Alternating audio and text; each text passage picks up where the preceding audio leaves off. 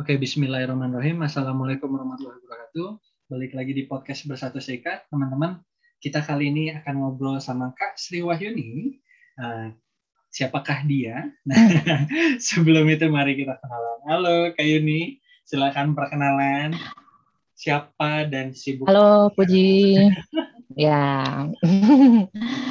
Jadi oke, okay, perkenalkan nama saya Sri Wahyuni. Uh, biasa kalau di kantor itu karena karena biasanya saya punya banyak penyebutan ya tergantung di areanya di mana.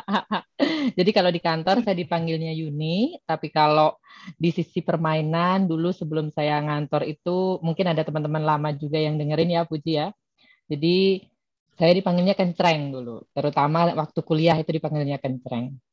Jadi saya ini saat ini sedang uh, bekerja di perusahaan IT consulting uh, sudah secara karir sih udah lebih dari 10 tahun ya, udah lebih dari 11 tahun kayaknya.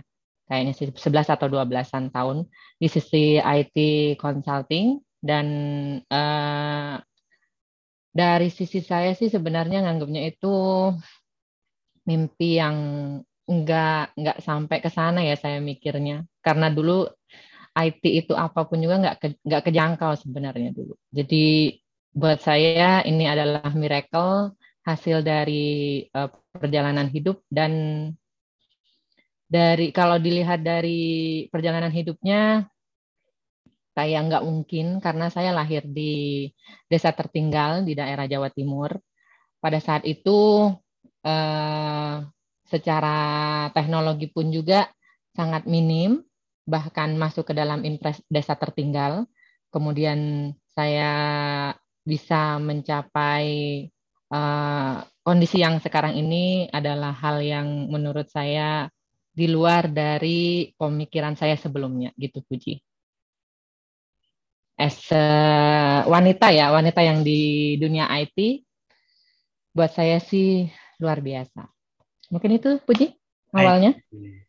I see. Menarik karena akhirnya Ayun itu karena ikutin lah dari dari dulu perjalanan panjang hmm. ya, sebagai IT consultant. Nah, backgroundnya dulu apa berarti? Ya. Ngambil kuliah apa? Nah, kenapa waktu itu tuh uh, ngambil itu ya gitu? Oke. Okay. Jadi dari kuliah ya berarti ya. Karena kuliah itu yang menentukan kondisi saya sekarang seperti apa. Kuliah saya itu ambilnya teknik kimia sebenarnya, Uji. Jadi jauh banget ya. IT. Dulunya saya teknik kimia, jauh banget. Ah, historical teknik kimianya pun juga itu agak unik juga. Jadi saya masuk teknik kimia itu bukan karena saya paham teknik kimia, tidak. Tapi lebih ke arah karena waktu SMA itu saya dulu ikut semua olimpiade. Semua olimpiade apa pun juga dimakan, padahal saya itu kan di jurusan IPA. Jadi semua olimpiade yang di IPA itu pun juga saya saya ikutin semua tujuannya itu bukan untuk show off ya, bukan untuk karena pintar atau seperti apa, tapi saya butuh duit. Jadi saya ikutin olimpiade semuanya, saya butuh duit. Oh di sana ada ada ada nilai uang gitu kan. Jadi saya ikutin aja di situ. Eh ada yang juara, ada yang tidak itu kan hal yang wajar ya. Nah, hmm. guru saya itu melihat ada potensi yang bagus gitu kan. Jadinya guru saya itu menyarankan untuk saya uh, mengambil jurusan kuliah yang mengcover semua apa yang saya pahami gitu, Uji. Hmm. Jadi kalau menurut guru saya itu uh, teknik kimia adalah area yang mengcover semua semua ilmu dan itu benar sih memang. Pada saat saya di teknik kimia itu uh, semua pelajaran semua pelajaran SMA itu bisa saya aplikasikan semua dan dibutuhkan gitu loh pada saat di teknik kimia ya. Dan hmm. tapi yang lebih bermanfaatnya lagi yang saya menganggap itu sebagai jalan hidup bahwa di teknik kimia itu saya bisa sambil bekerja sebagai guru les dan itu membuat uh, harga saya itu lebih tinggi dibandingkan teman-teman guru les yang lainnya Puji. Jadi saya saya saya kuliah itu sambil kerja karena memang uh, untuk kuliahnya sendiri saya depend on beasiswa, tapi untuk biaya hidup kan tidak ya, tidak dibiayain ya dan siapa juga yang akan membiayain gitu kan karena secara orang tua pun juga tidak tidak mampu membiayai saya waktu itu orang tua saya saya hanya tinggal bersama dengan ibu saya eh, single parent Hmm. Dan ibu saya dulu pembantu rumah tangga. Saya kuliahnya di ITS Surabaya.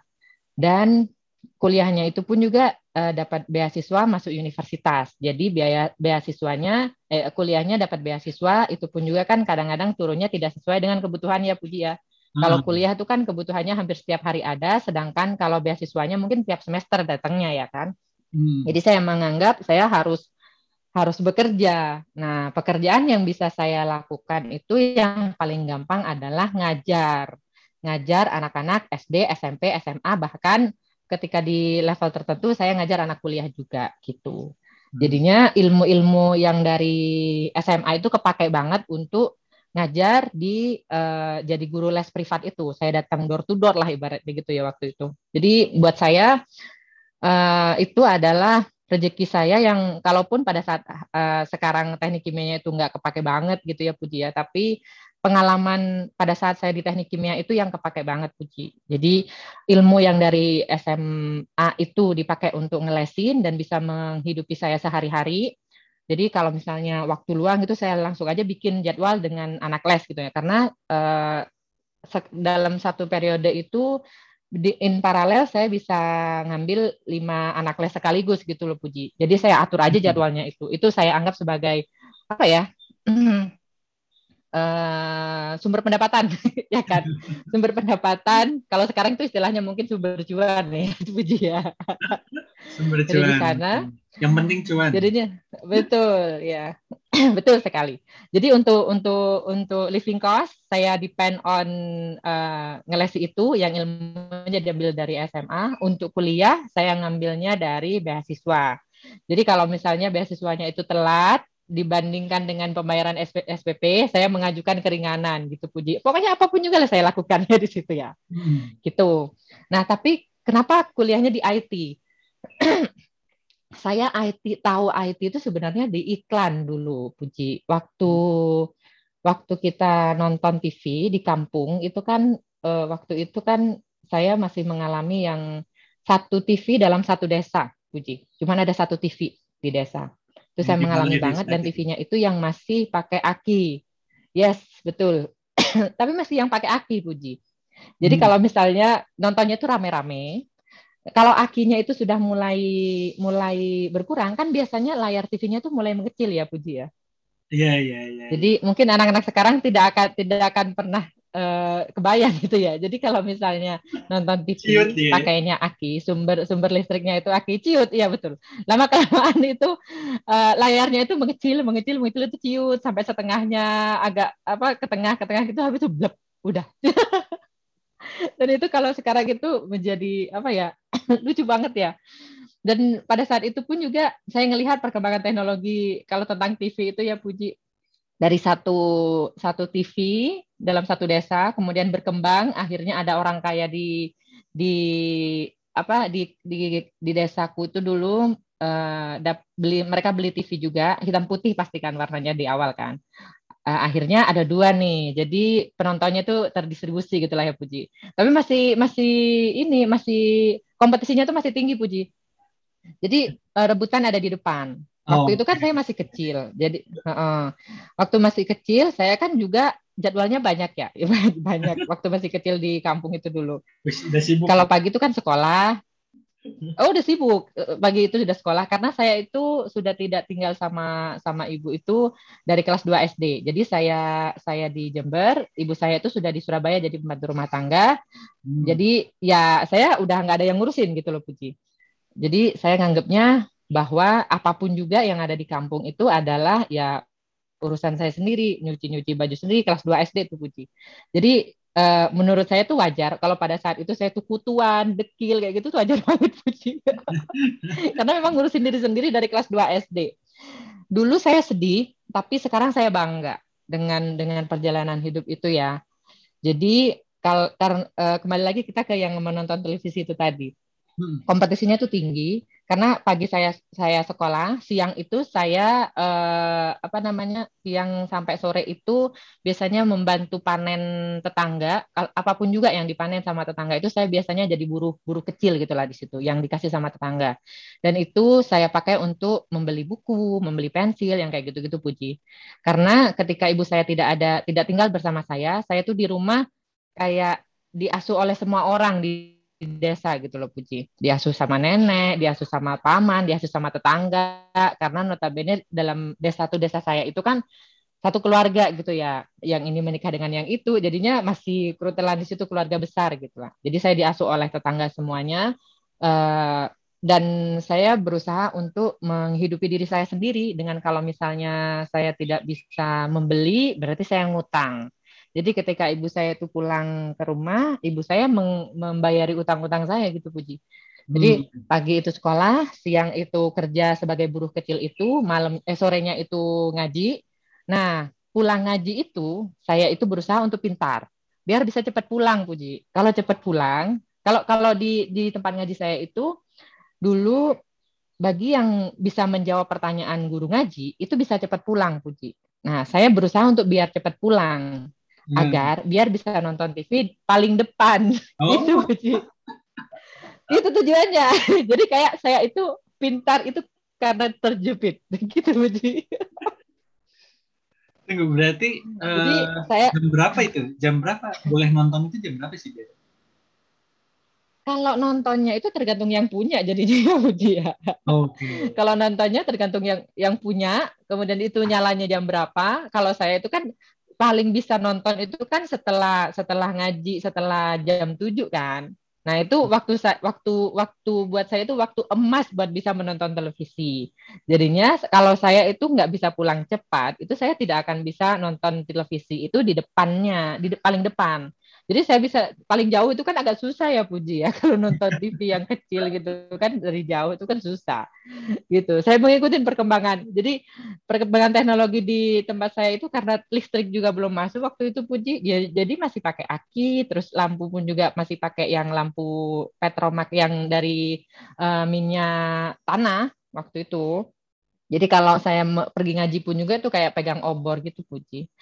Terus habis itu perkembangan televisinya itu masih hitam putih. Habis itu uh, ada satu orang lagi yang satu rumah lagi yang bisa beli televisi. Mereka bilang itu televisi baru berwarna katanya Puji.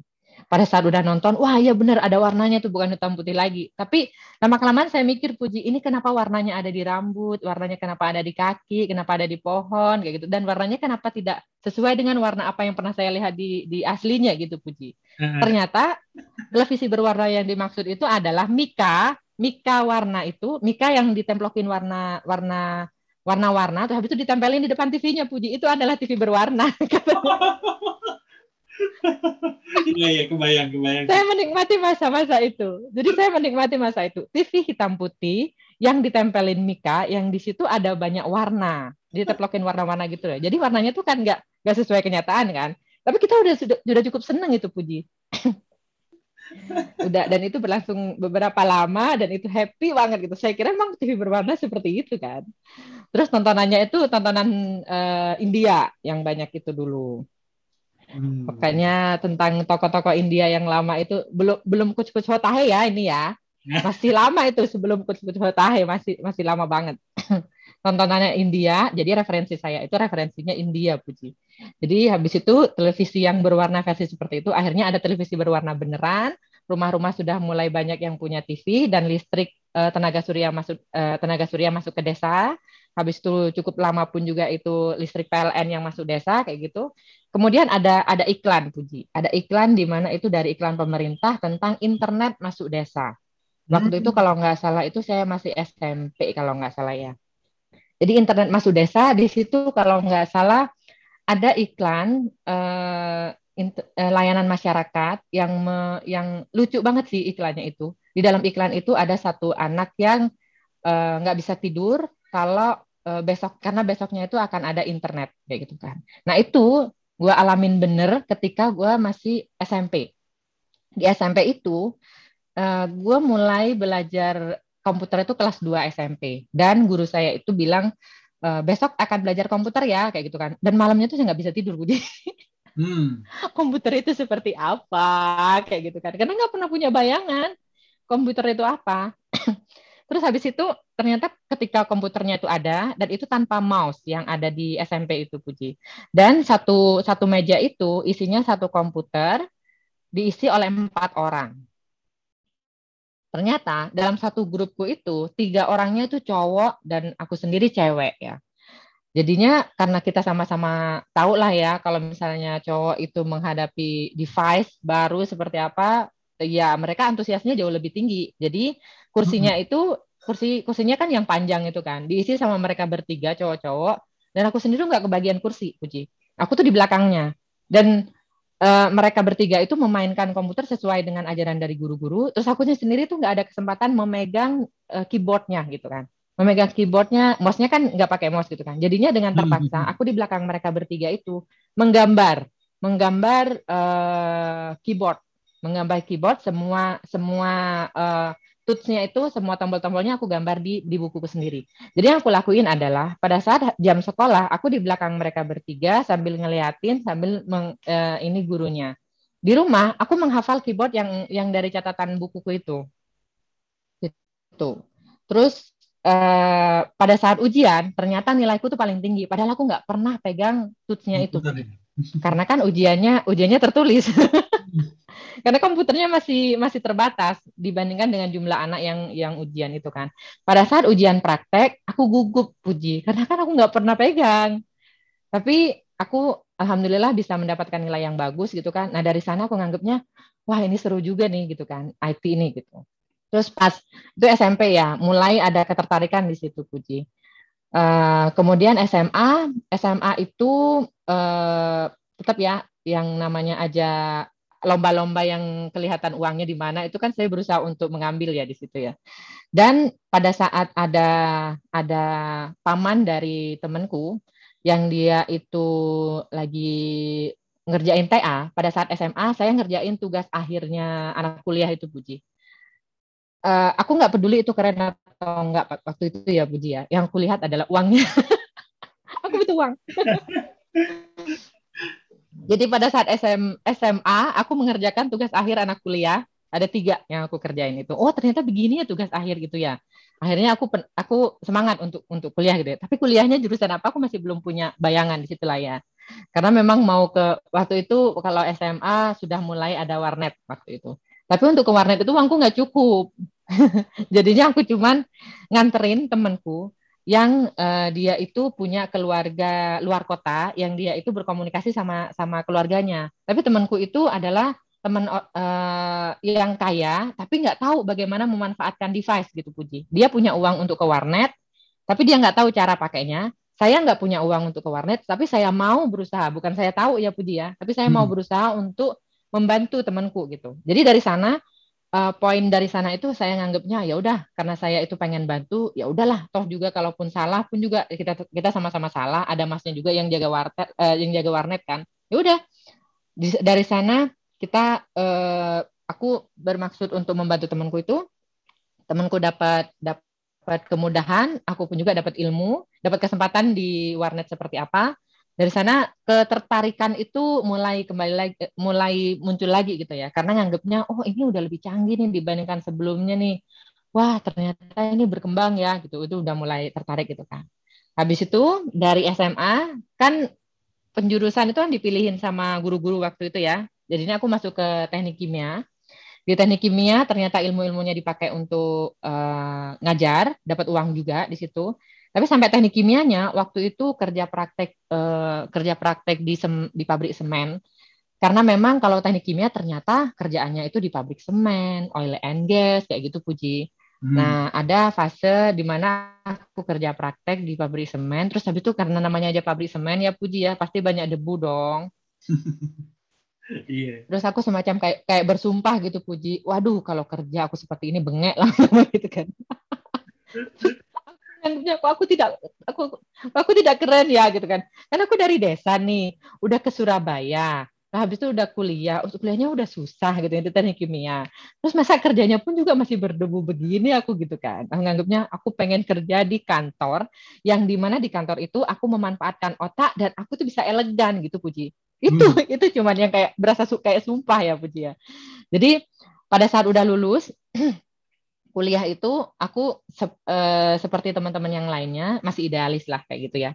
Jadi uh, apply di ada masih masih apply juga tuh di semen karena kan aku harus kerja gitu kan. Hmm. Terus play juga di oil and gas, di Total, di Pertamina, di perusahaan-perusahaan yang keren gitulah ya. Aku ikut teman-teman gitu kan. Tapi aku kok tidak totalitas ya waktu itu ya. Kebetulan ada satu di Astra Group waktu itu open recruitment persyaratannya itu hanya fakultas teknik gitu aja Puji. Dan teknik kimia itu kan masih fakultas teknik kan. Aku cuma iseng aja masuk ke sana. Hmm. Pada saat ke sana, aku itu kayak uh, bersaing sama orang-orang dari teknik teknik informatika Puji, teknik informatika, teknik elektro kayak gitu kan. Aku ngerasanya ah nggak akan dapet nih kayak gini nih, coba aja lah dulu. Aku tuh nyoba karena aku tuh suka aja gitu ya. Dan hmm. di kuliah itu aku sudah terlatih untuk membantu teman-temanku yang kalau misalnya uh, laptopnya rusak gitu, aku coba perbaiki Puji, hanya modal modal nekat. Karena sebagai gantinya aku dapat dapat makan dari teman-teman, dapat buah gitu kan, dapat dikasih nonton gitu. Jadi teman-teman itu di, di kuliah waktu itu uh, kalau laptopnya rusak, aku sama mereka di, dianggap sebagai dokternya mereka itu, karena mereka kan nggak perlu ke tukang servis komputer yang harus bayar kan cukup ngasih makan aku aja cukup ya puji ya jadi aku terlatih di sana jadi ngerakit komputer itu aku pada saat kuliah justru puji waktu okay. waktu tugas akhir itu aku ngambilnya uh, laboratoriumnya tuh yang laborit laboratorium teknik kimia yang tanpa ada tetesan-tetesan kimiawi yaitu simulasi puji Oke. Okay. kan semua pabrik pasti punya ya? punya iya pokoknya apa pun juga disimulasikan gitu. Nah pakainya laptop kalau di situ. Hmm. Pakai pakainya laptop dan laptopnya pun juga dari hasil lomba juga itu Budi. Pokoknya apa pun juga yang lomba-lomba ada duitnya aku di sana buat memenuhi kebutuhanku gitu ya. Jadi dari sana latihan yang di selama kuliah itu aku pakai modalnya untuk ikut interview yang uh, jadi apa namanya Astra Group yang dia membuka lowongan untuk konsultan IT. Dari sanalah Puji. Jadi aku tuh hanya pada saat interview hanya menceritakan hobiku aja pada saat kuliah. PD aja gitu Puji. Pada saat ditanyain, kamu tahu nggak aplikasi seperti ini apa? Sebentar ya Pak. Oh ini pernah dengar Pak. Untuk ini, ini, ini, ini kayak gitu. Saya hanya pernah dengar aja ya Pak. Tapi nggak pernah pegang kayak gitu. Hmm. Habis itu saya menceritakan hobi saya sehari-hari seperti apa. Dan alhamdulillahnya keterima Puji. Dan itu aku aku agak agak ragu karena yang diterima satunya itu waktu itu total INP yang memang oil and gas, yang satunya itu IT. Dan aku mantep banget memanggil yang IT services ini Putih. Dan itu penempatan di Jakarta. Aku ngerasa, oh penempatan di Jakarta keren banget ya. Ini kan saya sudah di Surabaya. Jadi dari desa tertinggal, habis itu kuliahnya bisa di Surabaya, habis itu kerja pertamanya di Jakarta, buat saya itu keren gitu ya. Ya udah, saya ambil aja tuh teknik eh, apa namanya yang jadi IT consultant, jadi engineer lah pertama itu ya pasti awal tahap awal. Jadi ternyata pada saat masuk jadi jadi IT consultant, saya baru tahu Puji kalau ternyata IT consultant itu adalah kerjaannya ngajarin orang IT Puji. Hmm. Semakin jauh. Dan itu orang IT, sedangkan saya orang teknik kimia. Tapi saya ngerasa, wah saya sudah me, me, ini sudah melampaui banyak hal yang baru-baru kok kayak gitu. Masa yang ini pun juga saya nggak bisa gitu kan. Saya mencoba men-challenge diri saya sendiri. Ya udah, saya coba aja dan ternyata saya survive sampai sekarang. Udah mulai belasan tahun ini Puji. Saya masih di sini. I see. Ini juga kan? Gitu Puji. Setelah Astra itu kan uh, kayak ini uh, ke Malaysia yang pegang yang Malaysia ya, ada yang Malaysia. Sekarang Indonesia Malaysia. Yes, betul. Indonesia Malaysia. Oke. Okay. Uh, itu di di di Indonesia di Astra Group waktu itu satu ta eh, lima tahun lima tahun. Dan saya menganggap lima tahun tuh udah selesai lah gitu ya sebagai orang desa yang masuk ke kota dan ada di Jakarta. Mengikuti kehidupan di Jakarta itu buat saya itu sudah cukup gitu Kan. Cukupnya itu adalah apalagi nih kayak gitu kan terbiasa terchallenge Puji. Apalagi nih, apalagi nih gitu. Lima tahun itu buat saya sudah cukup gitu kan. Jadi saya anggapnya ya udah saya mau planning tentang uh, diri saya hidup diri saya sendiri ya. Toh sebelum sebelumnya pun juga saya bisa keren tanpa saya pengen sebelumnya gitu loh Puji. Jadi saya ketagihan keren Puji. Jadi jadi dari dari sana saya memplot itu saya kan udah mulai dapat kayak training-training tentang uh, tahun depan kamu akan jadi apa, kemudian lima tahun kemudian kamu akan jadi apa. Kan biasanya gitu ya satu tiga lima sepuluh lima belas gitu kan biasanya ya Puji ya kalau kita dapat dapat dapat training itu kan. Ya udah itu kan ilmunya sudah ada. Waktunya kita masukkan ke kehidupan sehari-hari nih kehidupan realnya seperti apa. Udah lima tahun di ini di Astra. Terus tapi kalau keluar dari Astra mencari perusahaan yang lebih bagus dari Astra kan agak susah ya kan ya. Hmm. Apalagi kalau misalnya dunia consulting waktu itu apa ya perusahaan lebih bagus dari Astra gitu kan. Oh ya udah kalau misalnya saya agak kesulitan nih mencari yang lebih bagus dibandingkan Astra, ya udah saya milih negaranya aja gitu Puji. Negaranya saya keluar aja deh, tidak di Indonesia gitu kan. Oke, kalau misalnya mau keluar dari Indonesia, negara mana mana dulu nih?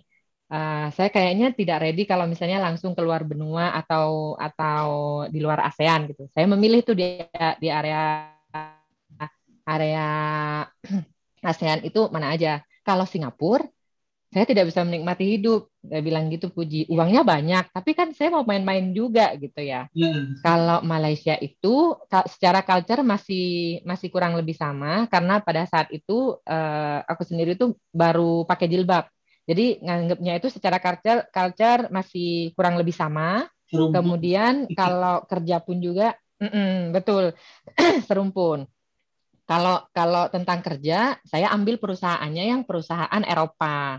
Jadi saya ambil perusahaan Eropa di sana, tapi memegang IT services yang around the world itu Puji. Oh inilah nggak apa-apa lah ini. Tempat tinggal masih sama eh, kurang lebih sama dengan Indonesia.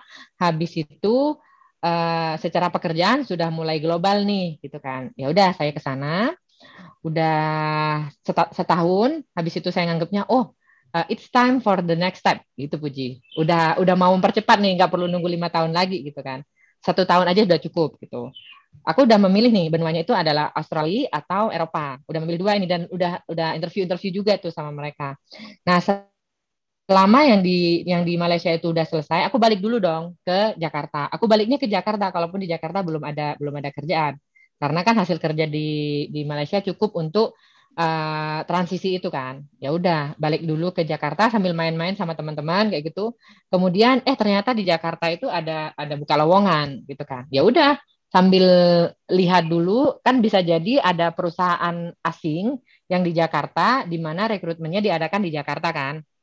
Terus habis itu saya ternyata uh, sambil menunggu yang Australia sama sama Europe itu saya kok masuk di Jakarta gitu kan. Tapi ngelihatnya oh ini perusahaannya base-nya Singapura gitu. Terus aku nganggapnya kalau base Singapura oh berarti itu udah lebih gampang lagi nih buat keluar lagi gitu Puji. Gue menganggapnya seperti itu. Ya udah, gue akhirnya ambil dulu yang di Jakarta, tapi gue direct report ke Singapura. Nah, gue direct report ke Singapura. Waktu itu masih perusahaannya tuh masih kecil. Hmm. Jadi uh, perusahaan masih kecil, saya punya kesempatan untuk uh, build sesuatu yang uh, besar lah gitu untuk membuat itu jadi besar gitu ya. Ternyata lama kelamaan berkembang dan nggak terasa sekarang sampai lima tahun bahkan saya berkeluarga ketika masih ada di perusahaan ini juga punya anak ketika di perusahaan ini juga kayaknya target-target yang Europe sama sama Australia itu harus dievaluasi lagi ketika kita berpikir tentang keluarga ya Puji life balance itu yang gue pelajarin banget di uh, lima tahun terakhir ini. Jadinya ketika di perusahaan ini perusahaannya semakin lama semakin berkembang dan saya dikasih dikasih kesempatan untuk memegang uh, udah lepas tuh yang direct direct reportnya ke Singapura, Jakarta udah bisa berdiri sendiri dan saya happy sebagai orang yang bisa membuat itu lebih besar dan saya dikasih kesempatan untuk mulai memegang yang Malaysia juga gitu Puji. Jadi kayak uh, secara pribadi itu nganggapnya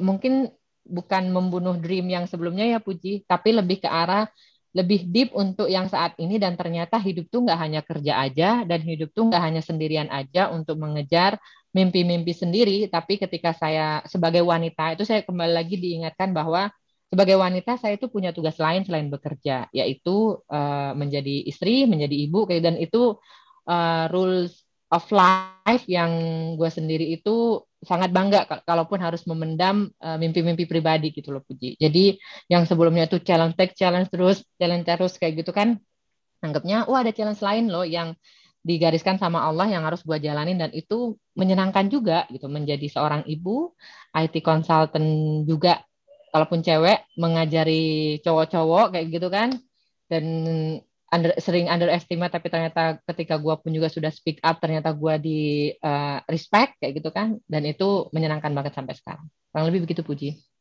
I see nggak kerasa kayak ini sudah di penghujung wow Oh wow wow wow wow. Kalau kita ngobrol memang iya, memang nggak kerasa. Aduh, ya. seru banget. Nah ini mm. menarik nih tadi cerita tentang perjalanan hmm. dari desa kemudian mengalami momen-momen teknologi apa ya awal-awal ya TV TV yep. hitam putih itu gitu terus yes. hidup sendiri terus sampai akhirnya sekarang jadi IT consultant untuk dua negara ini gitu ya fokusnya nah kalau yang dirasain sama Kayuni gitu pembelajaran apa sih yang sebenarnya kalau dari awal gitu sampai sekarang juga mungkin ada wejangan-wejangan yang masih nempel lah gitu di kepala yang itu jadi pegangan hidup juga gitu dari kayu ini. Mungkin itu hmm. sebagai penutup. Oke, kalau dari sisi saya sih karena uh, menghadapi ups and down hidup itu yang saya pernah ada di titik terbawah yang sampai bingung ya mau ngapain gitu Puji. Uh, kalau dari sisi saya saya itu pegangannya dulu itu sempat mencari pegangan ya apa nih pegangan saya yang sebenarnya gitu kan ternyata pegangan saya itu ya cuman Allah ternyata puji jadi uh, saya nganggap itu ketika kan sama orang tua pun juga kan uh, pisah gitu kan ya nggak hmm. punya siapa-siapa kemudian orang-orang di sekitar itu pun juga kan mereka kan mobile dan punya dan punya uh, keluarga sendiri-sendiri, punya relation sendiri-sendiri, people comes and go gitu kan. Mereka itu silih berganti. Dan ketika gue cari-cari kayak gitu, eh ternyata pusatnya satu loh. Itu semuanya digerakkan sama Allah gitu kan. Jadi ketika gue tuh mentok atau seperti apa, ya lakukan dengan jalan yang uh, Allah punya, Allah Allah udah kasih gitu puji. Jadi kadang ada banyak hal yang udah mentok ataupun gue nggak tahu nih ini sebenarnya bagaimana caranya gitu ya lebih banyak bersujud sebenarnya Puji dan apa ya ber, banyak berdiskusi sama Allah gitu sih Puji. Karena Allah akan memberikan jalannya melalui jalan yang tidak diduga-duga dan dengan perantara orang-orang yang mungkin kita nggak pernah nggak pernah uh, tahu sebelumnya itu seperti apa gitu. Itu itu pegangan gue ya. Dan jangan pernah berhenti belajar. Berhenti belajar itu itu sama aja dengan kita mundur satu langkah gitu kan dan itu kalau misalnya memang udah lama banget yang kita nggak pernah nggak pernah belajar berarti kita mundur terus kayak gitu. Tapi kadang kita sebagai manusia itu kan uh, punya uh, pengennya banyak ya tapi agak kurang fair. Kalau misalnya kita pengennya banyak tapi effort kita nggak ada gitu Puji. Jadi kita hmm. harus tahu bahwa sesuatu itu perlu diusahakan. Untuk hal bagus itu perlu effort dan untuk hal baik dan bagus dan the best kayak gitu butuh effort yang memang tinggi gitu kan. Kalau gampang-gampang aja mungkin kita cuman dapat ini ya, dapat kipas ya. Tapi kalau untuk hal yang hal yang bagus itu kan butuh pontang-panting gitu dan uh, untuk menjadi orang yang sukses gitu buat saya sukses itu kan parameternya beda-beda pasti masing-masing orang ya buat saya itu kan better than before. Itu buat saya tuh udah sukses gitu kan.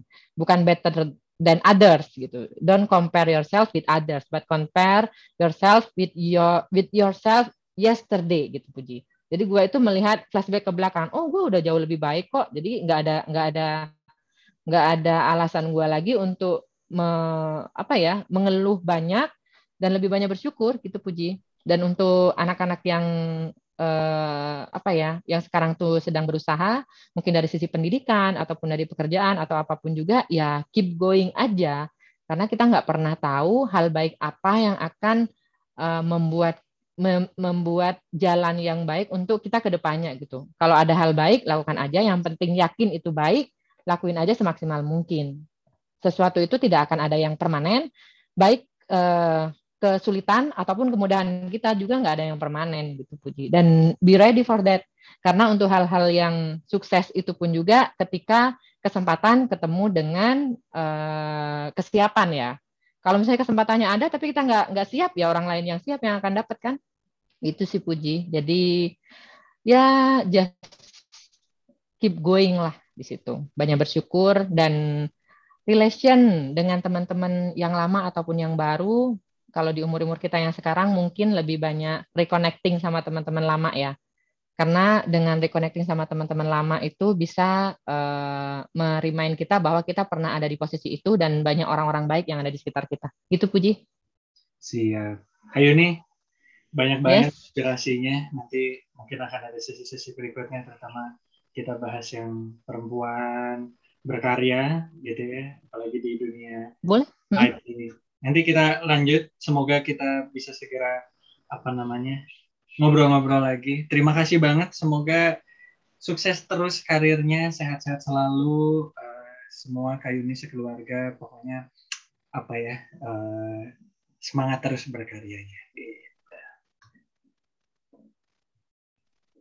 Terima kasih juga Puji, kesempatan ini berharga banget karena podcast ini recommended banget. Bahkan podcast ini pun juga uh, saya happy sekali diundang sama Puji untuk menjadi bagian yang memberikan sharing ya. Saya seperti reuni dengan teman-teman ketika saya mendengarkan curhat-curhat mereka kayak gitu atau sharing-sharing mereka yang di sini juga.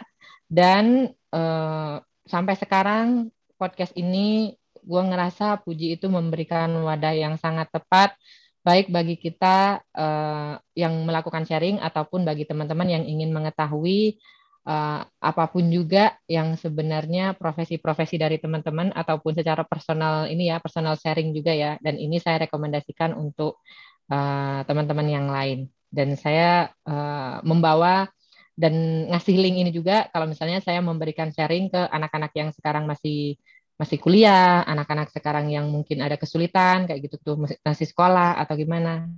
Karena buat saya mereka itu butuh butuh contoh hidup ya, bukan cuma dilihat dari buku aja, tapi contoh yang benar-benar uh, dilihat dari uh, perjuangan yang benar-benar ada gitu Puji. Terima kasih banyak ya Puji ya.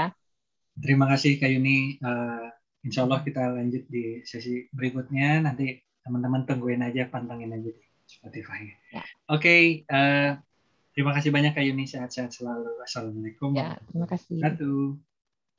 Waalaikumsalam warahmatullahi wabarakatuh.